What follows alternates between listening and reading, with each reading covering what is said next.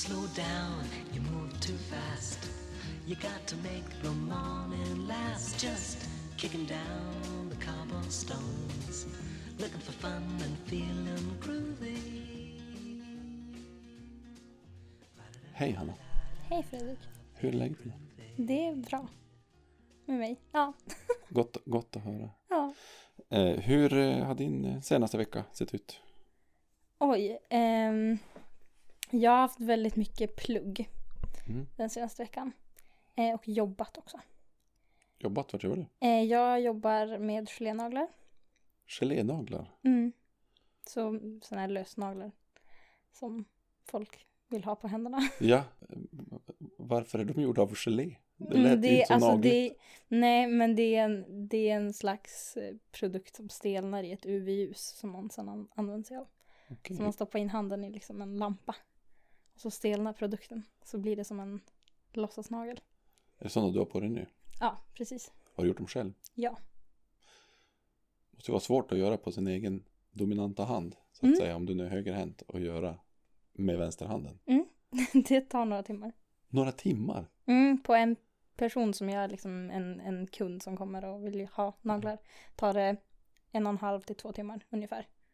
Och på mig själv kan det ta tre timmar, fyra timmar. Är Beroende på. Är du extra noga och det är därför det tar tid? Eller Mm, det nej, utan det är för att det är ju på fel hand blir det ju. Jag ska ju Ja. liksom göra och så ska jag göra samtidigt. Och så kan du bara göra en hand i taget. Mm, precis. Hur länge har du hållit på med det? Eh, I två år har jag hållit på med det. Så det är ett tag. Då, då börjar man veta vad man gör. Ja. Det Schysst. börjar man göra. Jag kanske måste testa det där någon gång. Jag kan göra på det. Du kan få rabatt. Schysst. Ja. Jag är ju rätt nöjd bara jag slipper ha naglar. Jag vet Ja. inte om det, om det är värt det.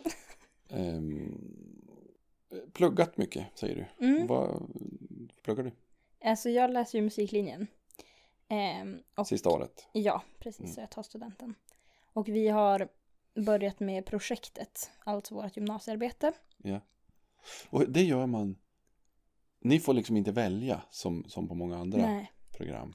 Eller alltså vi får ju, ehm, det som händer är att man väljer till kurser. Och då väljer man till estetisk kommunikation 2. Mhm. Och då så mm, ingår det liksom i kursen vårt gymnasiearbete. Mm. Så vårt gymnasiearbete är liksom en föreställning. Mm. I princip.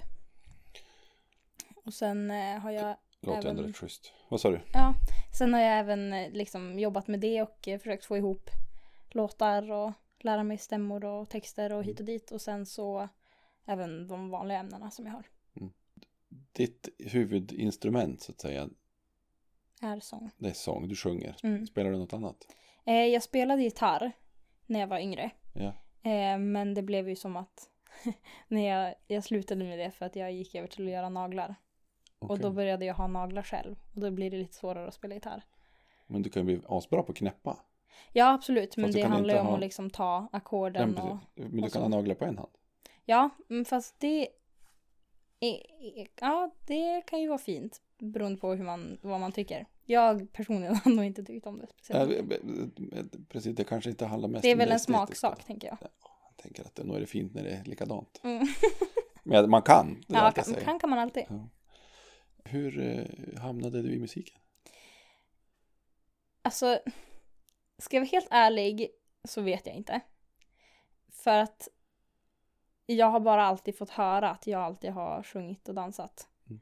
Ehm, men jag har också växt upp i en familj där vars vi inte har, alltså ingen i min familj är musikalisk förutom jag. Så det är ingen i min familj som håller på med musik. Utan de har varit alltså sport liksom nördar eller vad man ska säga. Mm. Så min pappa har liksom tränat fotboll och min mamma har liksom hållit på med, och mina syskon också. Och sen eh, bytte jag skola när jag började sexan. På grund av olika omständigheter där jag inte trivdes så bra i skolan som Mm. jag gick innan. Och då bytte jag även till musikklass. För att Just jag det. sjöng liksom. Och sen fortsatte det därifrån. Så på den vägen är det. Trivs du på scen? Mm, det gör jag. Det är väl eh, det är väl på ett av de ställena där jag är mest bekväm. Alltså det är lite konstigt.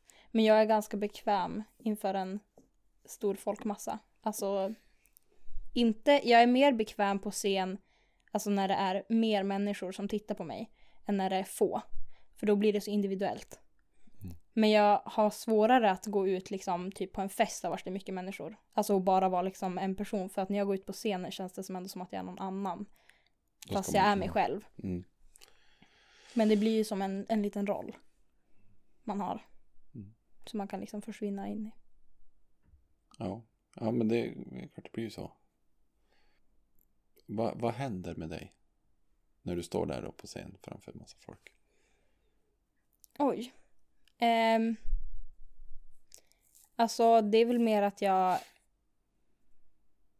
typ går in i mig själv. Alltså det blir mer, jag blir mer liksom fokuserad på mig själv än att fokusera. Vilket är lite märkligt egentligen när jag tänker efter.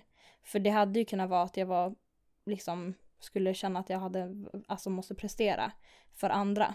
Men det är mer att jag själv känner att så länge jag vet att jag har gjort ett bra jobb, då går jag in Mm. ganska mycket i mig själv. Eh, eller att jag känner att jag har liksom gjort bra ifrån mig. Mm. Så att för mig är det väl någonstans också ett litet, alltså det är en liten nervositet såklart. Mm. Men det är också en sjukt härlig kick man får. Mm. Alltså det är som en adrenalin, liksom ett adrenalinpåslag som händer i kroppen. Mm. Och det är en ganska skön känsla. För det är samma sak varje gång. Och jag har ändå gjort det här sedan jag var typ 11 kanske. Att stå på scen så. Vad är det som ger den adrenalinruschen om man säger så? Mm, det är väl oftast att se hur folk reagerar tror jag. Eller att veta att folk tittar och ser mig. Mm. Och att jag någonstans under några minuter eller några sekunder har en chans att påverka folk. Eller nå ut till människor, tror jag. Mm. För det blir ju... Eh, alltså om jag, om jag sjunger en låt som är jättesorglig eller jätte liksom, glad och peppande så alltså beroende på vad jag går ut med för, för pondus och för, med för känsla så för jag över den med min röst kan jag föra över den till en annan person. Och Mm. någonstans trots att jag står kanske flera meter ifrån dem så rör ju dem på något sätt. Mm. Och jag tror att under de sekunderna så har jag som chans att påverka dem. Även om det bara är för att tänka om lite att men så här kanske man reagerar om man gör så här eller. Det behöver inte vara så, det kan ju bara vara att någon blir berörd typ. Så jag tror att det är den känslan. Blir du påverkad av din egen performance? Ja, det blir jag nog. Men det är väl också mycket för att jag går in i mig själv. Att det är så mycket, för mig, eh, för mig ger det egentligen samma känsla när jag står själv och sjunger i duschen i princip. Som det gör att stå på en scen för, samma, alltså för massa människor. För att jag går in så mycket i mig själv och min egen, alltså mitt, mitt eget liksom. Som ingen annan har något att göra med eller som ingen annan kan se. Att att det påverkar mig också. Och det är väl också det som påverkar mig som jag sedan för ut. För att om jag bara hade sjungit en låt och inte e- egentligen brytt mig om den. Eller liksom haft en ganska nonchalant attityd. Så ja, det kan låta fint och det kan vara fina melodier och fin text. Men, men det kommer inte påverka personen som sitter framför mig. Och tittar på mig och tittar på vad jag gör. Hello, lamppost, what you knowin'? I come to watch your flowers growin'. Ain't you got no rhymes for me? Do it and do do, feelin' groovy. Det- Jag tänker på ja, men känslan att stå på en scen. Vilket ju många gånger är en fantastisk känsla om man gör någonting. Och så får man feedbacken är ju ögonblicklig. Mm. Alltså du får ju veta direkt vad alla tyckte. Mm. Och, och, och det är väl det som kanske är lite skrämmande kan jag tänka. Om jag Mm. säger till mig själv då. Eh, innan man kliver upp. Men också vilken oerhörd belöning det är. Mm. När man får tillbaka att man är uppskattad. Ja. Så. Och jag tänker att det gör något med en. Eh, och då, eh, mitt, mitt tankehopp i det blev till frågan om bekräftelse. Eh, har du stort bekräftelsebehov? Alltså. Ja, det skulle jag väl säga att jag har. Men någonstans tänker jag väl att det har väl typ alla. Alltså någonstans alla har ju en längtan och liksom ett behov av att bli, alltså bli bekräftad av någon eller något eller några. Um, men ja, det skulle jag väl ändå säga att jag har. Men jag tror inte att det visar sig utåt mer. Alltså, det vis, alltså vissa personer visar ju det mer och vissa visar det mindre. Mm. Och jag tror ändå att jag ligger liksom någonstans. Vissa dagar visar jag jättemycket att jag behöver bekräftelse och uppmärksamhet. Medan vissa dagar visar jag det inte alls. Trots att jag kanske egentligen bara skriker inombords av att jag vill att någon ska liksom se mig. Mm. Men, men jag tror att mycket också har att göra med att jag de senaste åren har blivit ganska bekväm och trygg i mig själv. Att det inte... Att om jag inte får bekräftelse en dag av någon, eller att någon säger att jag är fin eller så, så, så är inte det jordens undergång för mig. För att någonstans så sitter jag där och känner att men jag vet att jag duger oavsett. Så att de inte tycker om mig eller att jag inte har fått den uppmärksamheten som jag behövde idag gör inte, alltså det gör inte jättemycket. För att det kommer en annan dag eller så får jag någonstans en känsla av att varför ska jag känna att jag blir bekräftad? Alltså var, varför måste jag ha den känslan att någon annan ska bekräfta mig? Varför, varför duger inte bekräftelsen som jag får av mig själv? Varför måste någon annan alltid säga till mig att jag är bra? Eller duger eller är fin eller luktar gott eller vad som Mm. helst bara för att jag ska känna mig bekräftad. När det egentligen i slutändan ändå bara är mig själv jag kommer leva med resten av livet. Till 100 procent. Mm. Och mm, så är ju verkligheten. Ja. Alltså, du ska leva med dig själv Mm. och jag med mig. Och, och det, och, men, men jag tänker att frågan borde ju gälla alla. Alltså, vi vi söker ju ändå bekräftelse från annat håll Mm. hela tiden. Ja. Och, och att landa i att man inte behöver det och, och vara trygg i det är ju fantastiskt bra såklart. Men, men det, det tar nog tid innan vi landar där. ja.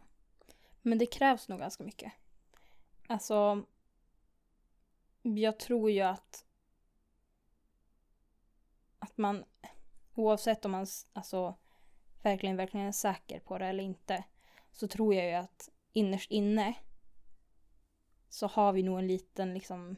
En liten röst som säger att men vi duger ändå. Fast samtidigt så tror jag att den här rösten av att men det här gjorde du fel är hörs mycket högre. Mm. Och det är jättesynd. Var kommer den rösten ifrån? För dig? Vilken av dem? Den Den- lilla eller den, Den lilla? som säger att jag duger? eller Den andra? Jaha, den... Ja, gud. Ehm, det är olika. Alltså jag tror att mycket kommer från hur jag ser mig själv. Att jag inte alltid är nöjd med mig själv eller hur jag ser ut eller min kropp eller Mm. så. Och det tror jag i grund och botten inte har att göra med vem, alltså mig. Alltså jag tror i grund och botten att det har att göra med någonting som är större. Alltså typ ett samhällsproblem. Av hur vi, hur vi tittar på folk och hur vi tittar på oss själva och hur vi behandlar andra människor. Tror jag. För att om, om alla hade bara fått vara som de är eller se ut som de gör eller så länge man är liksom bekväm med sig själv då tror jag att det hade varit då tror jag att min röst i alla fall hade varit mindre. Eller den hade inte hörts lika starkt. Det där om att jag inte alltid är bra. För att mina största liksom Alltså min Den rösten som säger till mig att jag inte duger det har alltid i nio fall av tio att göra med hur jag ser ut. Och sen den andra är hur jag är som person. Den tionde? Mm. Eh, Den andra rösten då? Den, Den som- positiva rösten, vart kommer den ifrån? Eh, jag har tre personer som, eller tre liksom håll. Ehm, den första är nog att den kommer väldigt mycket från min familj. Eh, för att jag har växt upp i en familj som är väldigt accepterande och väldigt kärleksfull. Vi har alltid varit sådana som pussar varandra godnatt och säger jag älskar dig. Mm. Och eh, för mig är också det ett ganska starkt ord. Jag säger inte det till vem som helst. Mm. Vilket gör också att när att den bekräftelsen blir ju ständig för att jag vet att de säger det här för att de menar det. Mm. Eh, och det har gjort att jag liksom vet att det är alltid någon som tycker om mig och jag, jag duger för att de tycker om mig precis som jag är. De har varit med mig hela livet, de vet mig, alltså de känner mig så bra. Ehm, och sen kommer den även från ja, eh, mitt ex då. Som också hjälpt mig jättemycket under en period när jag hade det ganska tufft när jag var yngre. Ehm, för vi träffades när jag var väldigt ung. Så jag var bara 14. Eh, och under den perioden så hade jag det ganska tufft med min självbild. Mm. Eh, och eh, han hjälpte mig jätte- jättemycket med det. Eh, och eh, det, det liksom, det var någonting som jag behövde då, tror jag, den egoboosten. Eh, och någon som liksom bara så här, hela tiden bara, men du, du duger. Och som såg mig på ett annat sätt än vad mina föräldrar såg mig. Och vad mina syskon såg mig. Utan det blev ju som, det är ju som en familjerelation. Men att det blev en kärleksrelation där vars jag fick den boosten också gav mig jättemycket. Och sen även min värdmamma i USA, Pam. Eh, som också är som min, min mamma. Så att jag säger att jag har två mammo- mammor nu. Mm.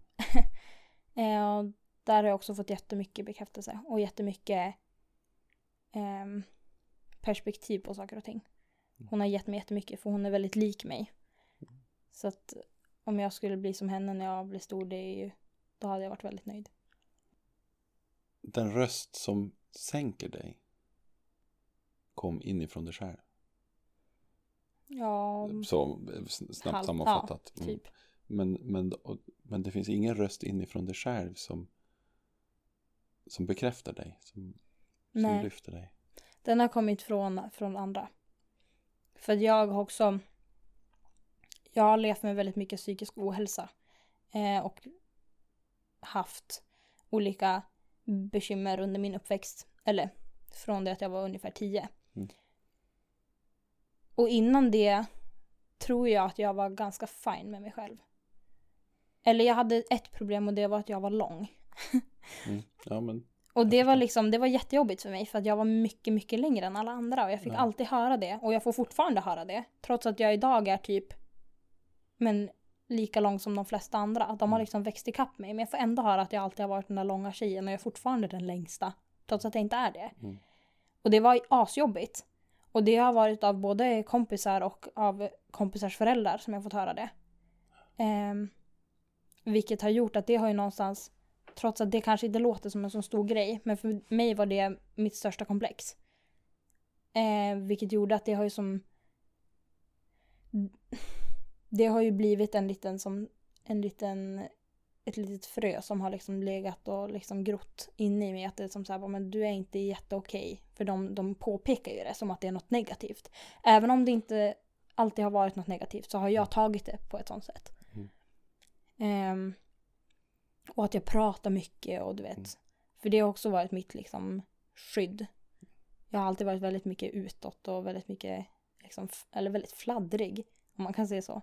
Mm. För att för att någonstans har det också blivit liksom att oftast så är det också så att ehm, se, alltså jag, nu är jag nöjd med mig själv så men, men ser du inte bra ut så är du oftast rolig eller så. Och för mig blev det när jag var liten och inte var liksom trygg med mig själv, mitt utseende och hur jag såg ut så blev det liksom ett knep att ta till att jag får bekräftelse genom att vara rolig istället. Mm. Och vara liksom utåt och få kompisars bekräftelse. Så, eller killar som jag, jag hängde väldigt mycket med, med pojkar när jag var liksom yngre. eh, att vara utåt som, som skydd, hur, hur, hur såg det ut för dig? Mm. Alltså. Mycket var ju då att till exempel när jag var 10-11 där att jag, jag spelade fotboll. Ehm, och jag spelade väldigt mycket med killarna.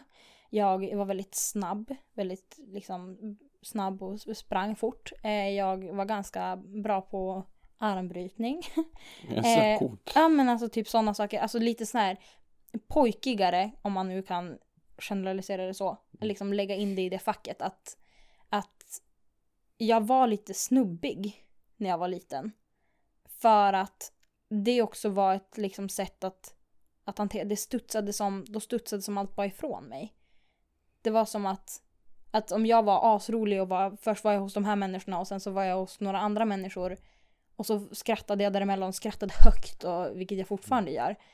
Så, så blev det också liksom en, alltså, ingen liksom kunde som hålla tag i mig. Alltså jag gled ju som bara ur folks händer för att jag var ju fett oseriös. Lite så. Men jag var också väldigt, väldigt känslig.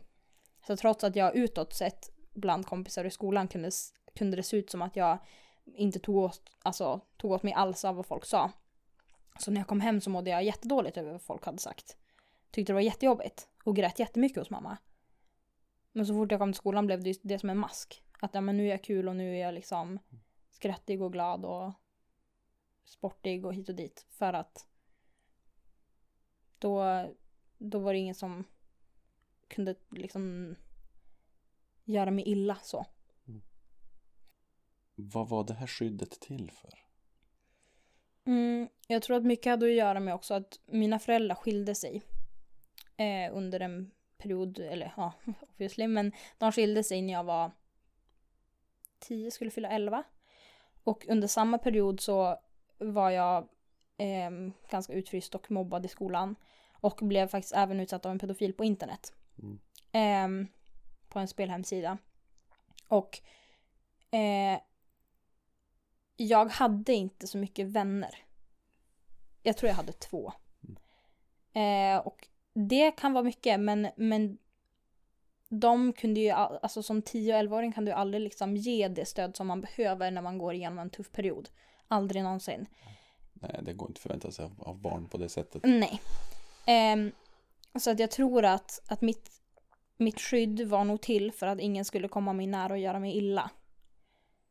Ehm, vilket jag fortfarande faktiskt, ska jag vara helt ärlig, använder mig av idag. Jag är en person som berättar väldigt mycket utåt och kan vara väldigt öppen om saker just för att jag aldrig vill att någon ska kunna använda det emot mig. Det blir en slags försvarsmekanism. Vilket är otroligt sorgligt. Eh, Hur tänker du då? men, men det blir ju som att, att jag alltid går på vakt. Alltså jag, jag litar liksom, jag litar på folk. ehm, till viss del. Men jag vågar aldrig nog släppa in dem så mycket för att jag är så rädd för att någon ska göra mig illa och liksom stampa på mitt hjärta. För att för mig är jag den viktigaste personen. Ja. Det är ju känsliga frågor, Hanna. Alla de här. Ja, lite. Ganska mycket, skulle jag säga. Ja, men det beror ju också på hur man, hur man är. Jag är väldigt van att vara så här öppen. Ja. För mig, alltså jag menar, jag har känt dig sedan jag var, jag, 14-15. Mm. Men, men jag känner inte dig jättebra. Men jag är ganska öppen och ganska lätt för att prata om det här. För att det har varit en bearbetningsprocess för mig också. Mm. Ehm, för jag tänker att om jag inte hade pratat om saker som var jobbigt. Då hade jag ju bara stängt in mig i mig själv. Och då hade jag mått ännu sämre än vad jag gjorde då. Ehm, men ja, för vissa kanske det är jättejobbigt. För mig är det här liksom det det är klart att jag måste tänka tillbaka och liksom så här sätta mig in i den situationen när jag berättar. Men jag tänker också att för mig hade det kunnat vara tio gånger värre. För att det här är bara en sån här, det här tror jag att jag är ganska van vid att folk får höra om mig. Så. Eller att jag berättar. Eller om folk frågar. Mm. Got no deeds to do, no promises to keep. I'm dappled and drowsy and ready to sleep. Let the morning time drop all its petals on me. Life, I love you, all is groovy.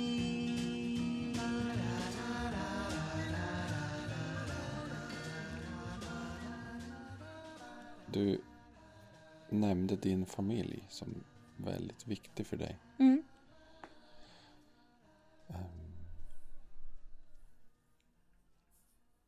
Berätta mer. Min familj. Om, ja, vilka, är, vilka är din familj? Vilka är min familj? Eh, min familj består av eh, min bror. Eh, som Stora eller lille? Min storebror. Eh, Elias heter han. Han eh, är född 95. Så räkna själv hur gammal han är för att jag vågar inte säga för om jag säger fel så blir det pinsamt. eh, och Elias och jag har varit som hund och katt när vi var små. Ja. Vi har bråkat otroligt mycket. eh, men idag skulle jag väl ändå säga att Elias är typ min bästa vän. Jag litar på honom jättemycket och han är jätte, jätteviktig för mig och han, han är en sån som man bara, du vet, alltid kan liksom luta sig mot. Han är som en stabil liksom, han pelare, han bara står där. Och så kan man gå dit och krama honom när man känner för att man behöver en kram. Och sen så har jag min syster som är född 92, Julia. Hon är också typ likadan fast vi har varit inte, vi har inte bråkat så mycket när vi var små. Men, men hon också, är också jättenära min syster. Eh, så hon är som också en liten pelare som bara står där. Sen har jag min pappa, Dan. Eh, och han är född 61. Och eh, han är en väldigt, väldigt kärleksfull pappa. Han är väldigt liksom varm och, och en, en känslosam person. Och han betyder också jättemycket för mig. Men jag bor, jag bor tyvärr inte hos honom utan jag bor heltid hos min mamma. Ungefär. Eller ja. Ja, jag bor heltid hos min mamma. Um, men, men jag är väldigt nära min pappa och träffar honom minst en gång i veckan. Så att jag är ju där och käkar och hänger där och, och så. Um, och sen har jag min mamma som är min absolut, absolut bästa vän. Hon heter Helene och hon är född 66. Och hon eh, är typ som jag. Så de har jag växt upp med. Mm. De är väldigt fina allihopa. Du är minstingen. Jag är minstingen. Jag blev minst. Mm. Mm. Ja. Så vi är fem stycken. De är väldigt viktiga för mig.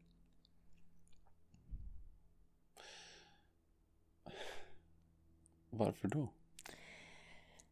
Mm, jag tror att det är för att de... Jag har väl behövt dem under min... Mitt ah, jättelånga liv på 18 år. Mm, precis. Ja, aslångt. Nej men jag har behövt dem och de har alltid varit där. De har aldrig liksom... De har aldrig inte funnits där. De har bara alltid liksom stått runt om mig och hållit om mig när jag behövt det. Och, och funnits där. Och varit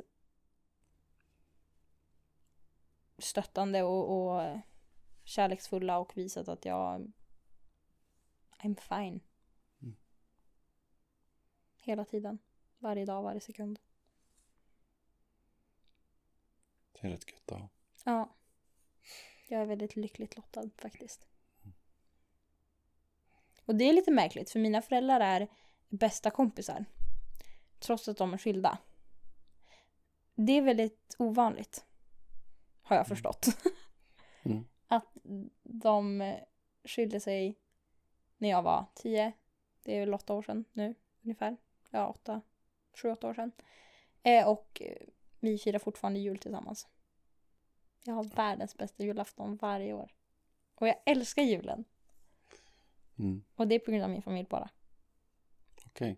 Det är inte på grund av att tomten kommer eller att man får paket eller, eller att det är liksom mysigt med snö och, och advent och liksom allt sånt. Utan det är bara för att min familj alltid har liksom, min mamma har varit, varit väldigt duktig på att göra julen till en fin högtid och mysig. Och liksom, det har varit väldigt härlig stämning i min familj. Under juletiden. Okej, då ska du få göra en lista. Eftersom du älskar julen och älskar musik. Mm. Topp tre jullåtar. Topp tre jullåtar. Börja Okej. från tredje plats. Börjar på tredje plats. Mm. Gud, det här var ju svårt. Jag tror nog att... Eh, gud, på tredje plats, det var ju svårt. Eh, jag tänker... Jag vet inte om de är i ordning. Får man göra så?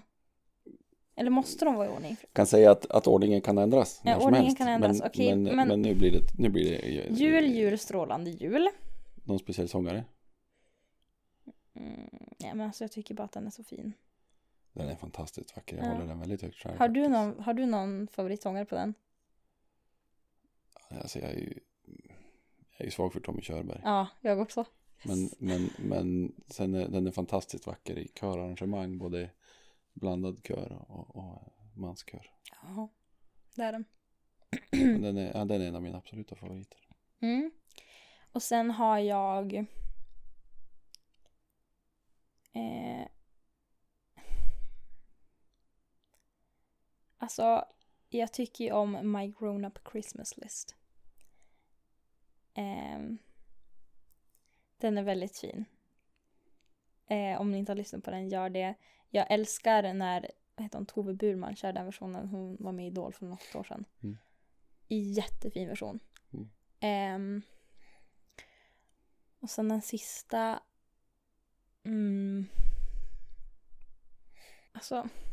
Jag är ju sån här, jag tycker om Lucia, alltså alla så här Lucia-sånger och sånt. Men jag skulle nog faktiskt ändå lite, lite udda val kanske. Men jag skulle ju typ ändå säga Hej tomtegubbar slå i glasen. Men det är bara för att min mamma alltid spelade den när vi hade julstädning hemma. Och så hade vi så här vinrött golv. Och så sprang jag runt där med liksom tjocksockar. Och liksom gled runt på det där mamma stod och skurade och så var den på. Och så får jag nästan in i och alltså lite sånt. Jättebusig när jag var liten.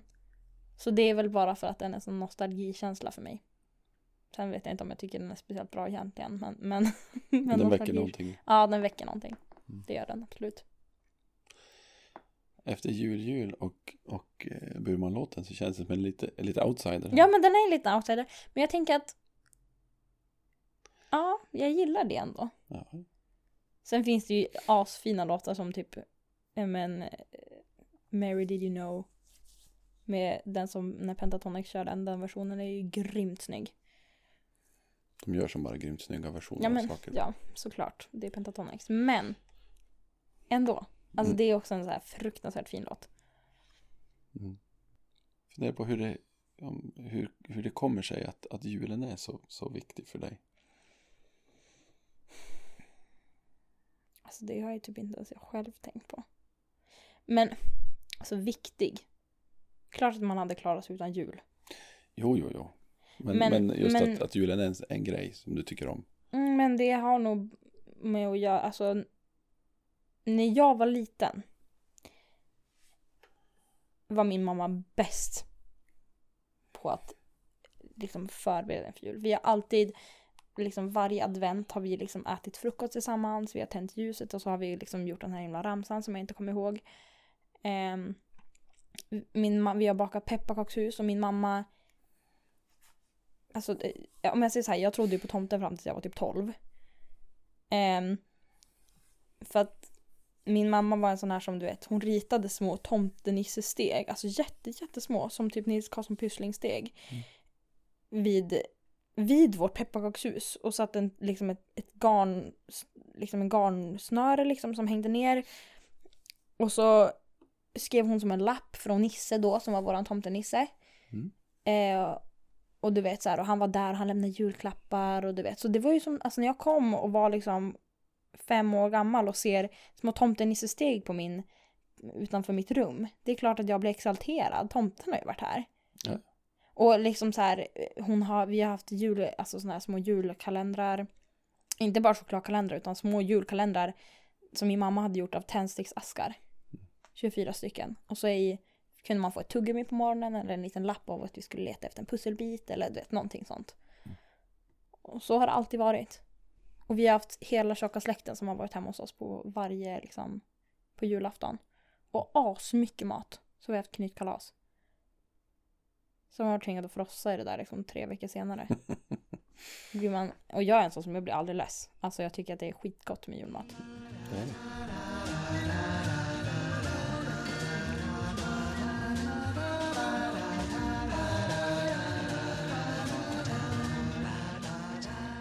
Du, eh, USA. Ja. Du var över en sväng till USA Yes. som utbytesstudent. Yes box. Berätta. Jag for då sommaren 2016. Den 30 augusti så flög jag först till New York på soft landing camp. Och där var jag i tre dagar tror jag. upptäckte New York en sjukt häftig stad. Dit vill jag absolut flytta någon gång i mitt liv. Um, så det kan man väl säga på min bucketlist om man säger så. Um, sen så for jag vidare till min, då först, min första värdfamilj, för jag bytte värdfamilj nämligen. Och eh, det var i sta, alltså, staden jag hamnade i hette Tacoma. Eh, låg utanför storstaden Seattle och ligger i Washington. Och det ligger i nordvästra hörnet. Och sen Mm. efter några veckor så bytte jag värdfamilj. Så då kom jag till Pam då, min, min andra mamma. Mm. Mm. Så pluggade jag där på high school. Innan jag valde att åka hem. Efter två och en halv månad, tre månader. Eh, varför bytte du familj? Mm, Vad hände liksom? Vad hände liksom? Eh, Min, min första värdmamma då som jag hade jobbade otroligt mycket. Hon jobbade även inom kyrkan, eh, vilket passade mig väldigt bra. Eh, och hon bodde ett stenkast från skolan så att jag såg liksom skolan från mitt fönster. Det var ju som min utsikt. Mysigt. Eh, ja. Men hon jobbade så himla mycket. Så att för mig hann det bli väldigt ensamt eftersom att skolan i USA börjar, eller min skola började halv åtta på morgonen. 7.35 egentligen. Eh, 7.30 ringde klockan, 7.35 skulle man vara i klassrummet. Eh, och sen slutade den klockan två. Och under den perioden i början då så hade inte jag hunnit gå med i några klubbar, jag hade inte liksom börjat hitta så mycket kompisar så jag gick ju direkt hem efter skolan. Mm. Och då var inte hon hemma och så kunde hon komma hem liksom 7, 8, 9, ibland 10 på kvällen och då hade jag ätit middag själv och liksom suttit hemma själv och inte haft någon att prata med. Ehm, vilket gjorde att jag började få väldigt mycket hemlängtan och kände mig väldigt ensam. Mm, ja, inte så konstigt kanske. Nej, så då valde jag att byta värdfamilj till min, min dåvarande kontaktperson eh, som blev Pam. Eller som var Pam och sen blev min värdmamma. Så då flyttade jag. Gick kvar på samma skola. Fick en värdsyster från Tyskland, Ria. Eh, som var 01. Så vi bodde tillsammans i samma rum. Hade asroligt tillsammans. Klickade fett bra. Och så hade hon även hundarna. Eh, då hade hon Cadbury, Mocha och Lily. Tre hundar. Ja, tre hundar. En valp. Två lite äldre. Ehm, och jag är ju, älskar ju djur. Alltså jag älskar ju hundar och jag är verkligen en hundmänniska. Så för mig var ju det liksom en dream come true för att mina, min syster och min pappa är båda allergiska så vi har aldrig kunnat ha hundar. Mm. Så då fick jag hundar. Så då var jag med dem. Schysst. Mm. Och pluggade. Sen avbröt du efter två och en halv månad. Mm. Vad hände? Mm, I min delstat som jag var i var det lagligt att röka på. Eh, alltså marijuana var lagligt. Och en av reglerna när man åkte med liksom de här, eller när man åkte som utbytesstudent så är, att du inte får, du får inte dricka alkohol, du får inte liksom använda det droger eh, och sånt.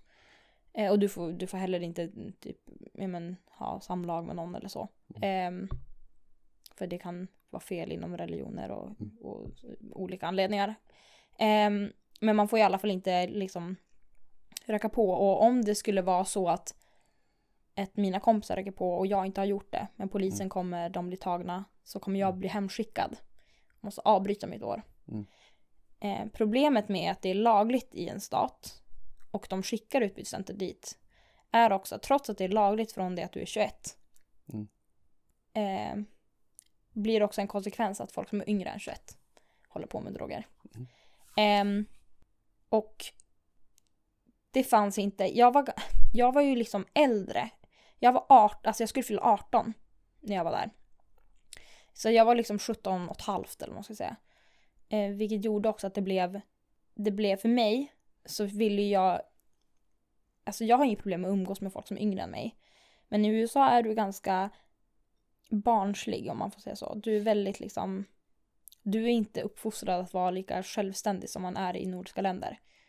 Eh, så för mig att komma och vara med en 14-åring i USA hade inte varit något problem egentligen förutom det att de skrattar åt saker som jag liksom kom över när jag var typ 12. alltså de är liksom i kiss och bajs åldern typ ibland. vissa av dem. Mm. Så att jag ville umgås med de som var äldre och de som var äldre rökte på. För att röker du inte på där så är det liksom konstigt. För det är en sån normativ grej. Eh, och alltså det är samma, alltså det är otroligt få, du har, det är otroligt få i Sverige som också som inte dricker för det att de är 18. Och det är någonting som vi vet om. Samma sak med weed i USA. Att, att liksom, att röka på i USA är som att snusa i Sverige. Och som att dricka i Sverige. Det är inget konstigt, alla gör det. Och innan de är 21. Så problemet blev att jag inte fick umgås med folk som var, eller som höll på med droger eller, eller alkohol eller sånt. För då kunde jag bli hemskickad. Vilket gjorde att det satte in mig i ett ganska smalt fack på vilka jag kunde umgås med. De jag kunde umgås med var väldigt omogna och väldigt mycket yngre än mig. Och det var just den här omognaden som jag inte kände att jag pallade med. Och sen var det även hela den här clown, alltså clowngrejen som var då också. När just It. Ja. började liksom triggas igång eller vad man ska säga. Så vi hade ju även hot om skolskjutning mot vår skola. Eller mot min skola som jag gick på. Och eh, det var clowner som sprang runt på gatorna. Det var folk som hade blivit typ nerhuggna. Så det var jättemycket sånt skit. Mm. Som en väldigt, väldigt eh, eh, märklig kontrast till den svenska verkligheten, liksom den svenska vardagen. Så är det där också någonting som kan hända och är inte jätteovanligt i USA.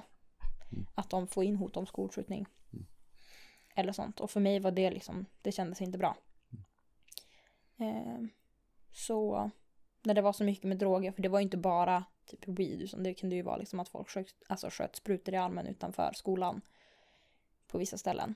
Och det kändes väldigt olämpligt för mig och det var inte en miljö som jag ville vistas i. Trots att jag älskade min värdfamilj. Och trivdes väldigt bra hemma och så. Och i skolan så var det liksom när man kom utanför. Att jag ville inte vara en del av det. Vilket gjorde att jag kände att jag... Jag ville inte vara kvar. Det kändes inte värt för mig att riskera någonting som jag... Som jag inte... Alltså det kändes inte värt att riskera mitt mående när jag kände att jag började må liksom dåligt av det. Mm. För då kan jag lika gärna må dåligt hemma. Mm. Hur, var, hur var det att komma hem då? Det var väldigt härligt faktiskt. Det är många som, som har frågat mig den frågan. Men det, jag alltså...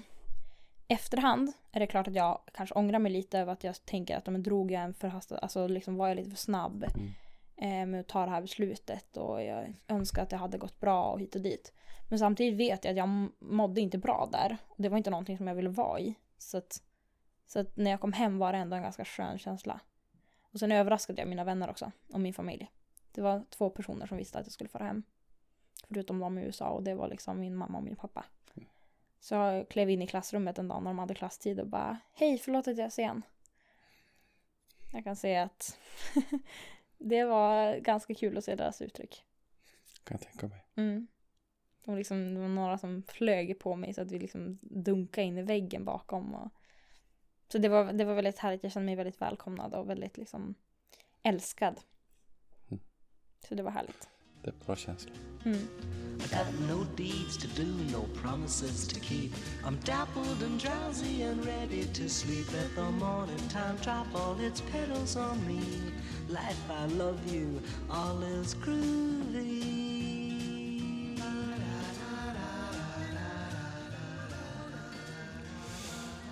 Vi har ju en, en tradition att ställa frågor från podd till podd. Mm. Så du ska få en fråga från förra gästen. Mhm. Hur gör du för att göra en dålig dag, en tråkig regnig höstdag eller en annan allmänt dålig dag till den bästa dagen? Eh, gud, det var en väldigt svår fråga.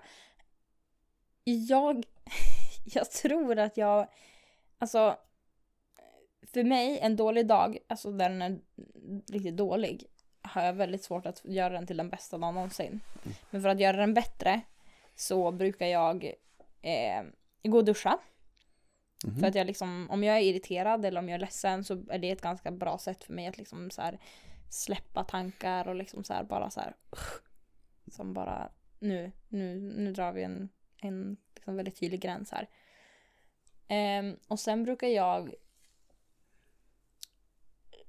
typ liksom drunkna i ett liksom hav av kuddar och, och eh, stora duntäcken i min säng.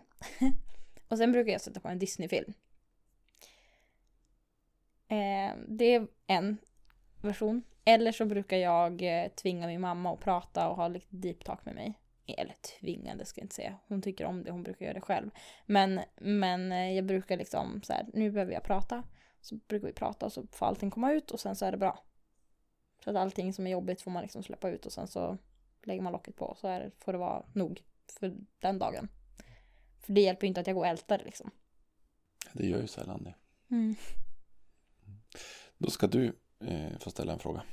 Mm. Eh, jag skulle vilja veta vad nästa gäst skulle göra om den personen fick eller vann eh, 10 miljoner kronor. Vad skulle den göra med pengarna? Och då ska du få svara på, på den frågan själv. Jag skulle nog ge bort ganska mycket till olika eh, organisationer. Typ flyktingorganisationer. Eh, eller eh, Barncancerfonden eller eh, men alltså typ Rädda Barnen och, och alltså sådana såna som, som jag eller Musikhjälpen eller så som jag känner ger någonting till samhället eller ger tillbaka till människor som inte har det jättebra. Mm. Sen tror jag även att jag skulle dels försöka starta upp ett asylboende igen. Eh, för folk som kommer hit, för flyktingar. Eh, och sen så skulle jag även, tror jag, jag vet inte hur man ska starta upp, låter som fel. Men jag tror att jag skulle köpa ett hus och renovera det så att det finns sådana här små rum. Eh, där vars det hela tiden är någon som jobbar.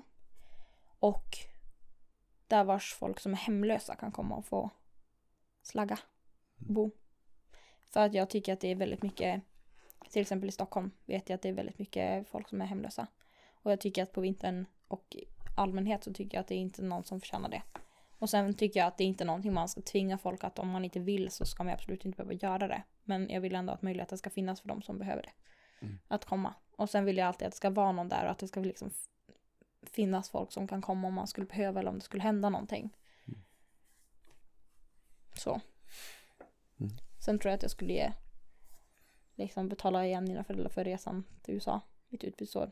Och sen även säkert eh, flytta, tror jag. Är det något du skulle unna dig? Någon lyx eller någon... Mm, någon lyx. Jag tror nog att jag tror att jag skulle ta med mina syskon på en backpackresa. Att vi liksom vandrar genom världen eller på att säga. Eh, och sen tror jag att jag även skulle ta en, som jag även har planerat nu nästa sommar efter studenten.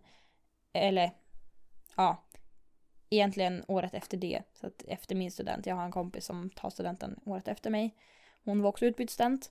Så vi ska, vi, jag tror att jag skulle bjuda med henne och eh, de som jag umgås med just nu eh, på en, en roadtrip genom USA. Som jag planerar att göra. Så det är väl vad jag skulle unna mig själv med.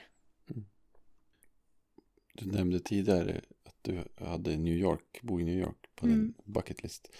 Eh, eh, har du en, en bucket list? Ja, det har jag. Dela några, några punkter på den. En bucket list som jag har, eller en, eller ja. Eh, jag skulle vilja fara och volontärarbeta. Ehm, och jobba... På något speciellt ställe? Eller? Mm, nej. Eller jag skulle vilja jobba på barnhem och barnsjukhus och sånt. Eller ja, sjukhus i allmänhet så. Mm. Eh, sen skulle jag även vilja liksom jobba med eh, på så här eh, Animal Rescue Center. Ehm, det skulle jag vilja göra. Sen skulle jag vilja eh, åka luftballong. Eh, så safari-luftballong liksom. det låter kanske lite jättetöntigt men, men det skulle jag vilja Mm. göra. Det känns, och det är Det låter väl liksom, mysigt? det känns som att det skulle vara väldigt häftigt. Och Mm. bara liksom se det. Och sen skulle jag vilja hoppa bunny jump. Mm. Och så skulle jag vilja... Alltså, jag har ju verkligen så här... äh, Mina drömmar är typ inte i Sverige känns som. Men jag skulle vilja... Vilja liksom segla runt jorden typ. Alltså segla liksom till olika öar, olika platser och så. Och sen eh, någon gång i mitt liv så vill jag väl stå på en scen. Inför. speciell? Eh, ja, jag har tänkt QX-skalan. Mm. Eh, men sen är det också så här. Det är klart att jag också vill typ på VM och liksom alltså sådana där. Men jag är absolut inte där än. Men drömmar kan man alltid göra. Ja, det ska man göra, tycker Mm. jag. Så det är väl sådana saker jag vill göra. Mm. Där man känner att man lever. Det låter ju riktigt, riktigt bra. Mm. Känns ganska bra faktiskt. Eh, Då, tiden går fort. Mm. Ska, eller vi får säga tack så jättemycket för att du har kommit hit och delat med dig av din berättelse. Eh, Ja. Verkligen stort tack. Ja, tack för att jag fick vara här. Eh, och du ska få avsluta med att välja en låt Mm. som vi spelar. Eh, du får berätta vilken och du får gärna berätta varför också. Du har valt en låt. Mm. Jag har valt låten Still med Seinabo Bosei. Och eh, anledningen till det är för att jag tycker att den här låten för mig är lite odödlig. Den, jag blir aldrig less på den. Och det är en sån låt som jag alltid får massa känslor liksom av. De kommer liksom upp till ytan. Och påminner mig om väldigt många fina stunder som jag har haft i mitt liv. Så det är väl därför jag har valt den låten. Framförallt sommaren 2015. Där har vi det. I've been thinking about tomorrow instead of drowning in the past. We had good times even back when dreams were all we had to last. So as I wake up this bright morning, Nothing's gonna bring me down. Waves are singing, wind is forming. Summer's here to stick around. I still remember me before you. I will no longer need your rescue. Said I still. Remember me before you, I'm no fool. Tell them I'm no fool.